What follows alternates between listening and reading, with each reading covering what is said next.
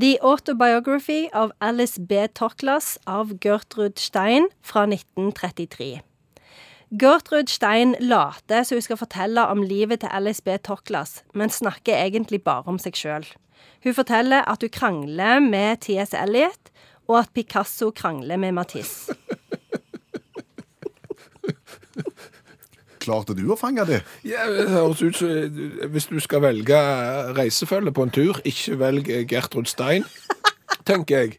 For hun vil få alt det handler om seg sjøl, selv, selv om det egentlig handler om, om andre. Kanskje har hun opplevd litt lite, men hun eh, forteller mest om seg sjøl gjennom andre sitt liv. Ja, det er helt sant. Og det som er veldig kult, er at eh, på bildet eh, på framsida av denne boka, så sitter Gertrud Stein helt framme i fokus, mens Alice B. Toklas sitter litt sånn i bakgrunnen, ute av fokus. Oh, ja, så, så, så, Alice B. Toklas er en ekte person? Ja, ja. Fordi at nå har vi egentlig gjort et lite sprang i denne spalten. For dette er faktisk en sjølbiografi. Skrevet av en annen? Skrevet av en annen. Da er det ikke sjølbiografi. det er egentlig... en annen biografi. Egentlig sjølbiografien til Gertrud Stein, bare du har kalt den sjølbiografien til Alice B. Toklas. Hvorfor det? Fordi at eh, dette er en roman som handler om når Gertrud Stein og Elisabeth. Toklas, som var samboere, bodde i Paris på 1920-tallet. Og det var jo en periode hvor eh, eh, kunsten eh, var veldig sånn spennende, både malerkunsten og litteraturkunsten, og hvor veldig mange kunstnere, uavhengig av hvor de var ifra, befant seg i Paris. Og der klarte Gertrud Stein å eh, sette opp en sånn en salong, så alle hadde lyst til å være venner med disse Gertrud og Alice. Så hun egentlig så eh, Hun skrev denne boka på seks eh, uker, sier hun, for å tjene penger. Eh, og så utleverer hun alle vennene sine. Så etterpå så var det veldig mye dårlig stemning.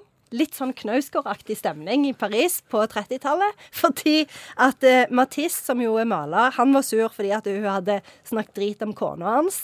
Eh, Hemingway sa at det var ei fordømt stakkarslige bok. Så han var jo òg sur. Og han hadde ikke fått fisk, han. Det var derfor han var sur. fikk bare en liten fisk. Og George Braque, som jo òg er maler, mente at Gertrud Stein hadde misforstått kubismen. Det var liksom Ja, hva er det egentlig å misforstå?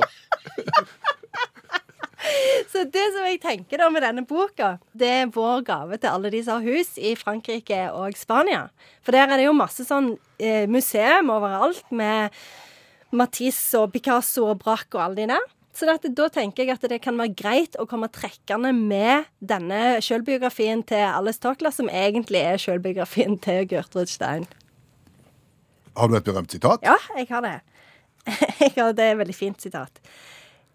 Jeg, jeg liker å ha god utsikt, men bare hvis jeg kan sitte med ryggen til. har en litt annen tilnærming til ting. Det er veldig mange som mener at Gertrud Stein var en skikkelig drittsekk. Jo, men altså, når, når, du sier at hun har lagd et, et, etablissement for fest og basar og moro, og du ser på den dama på, på, på, bildet på boka di der Du har ikke lyst til å gå på fest med den dama om det smalt. Det kommer til å være det kjipeste partyet i hele verden. Men det er nettopp det, for hun har jo litt sånn Sherlock Holmes-aktige hatt på hodet her. Og... Tweed går til alt. Men hun er kjempekul, og hun er veldig løyen, og denne boka er superbra.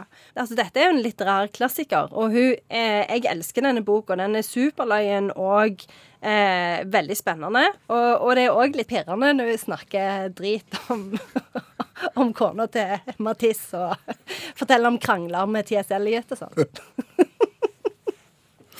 Eh, klarer du å oppsummere verket for oss? På en måte.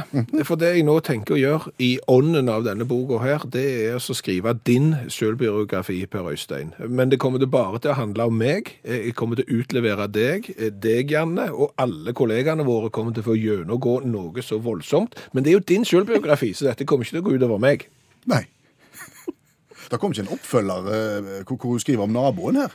Nei, det kom en oppfølger, eh, men den, eh, den var litt sånn slappere. Ja, for det er Living Next Door to Alice. Ja. han heter ikke det, men det burde han jo ha hett. Tusen takk, Janne Stigen Drangsholt, forfatter og litteraturviter.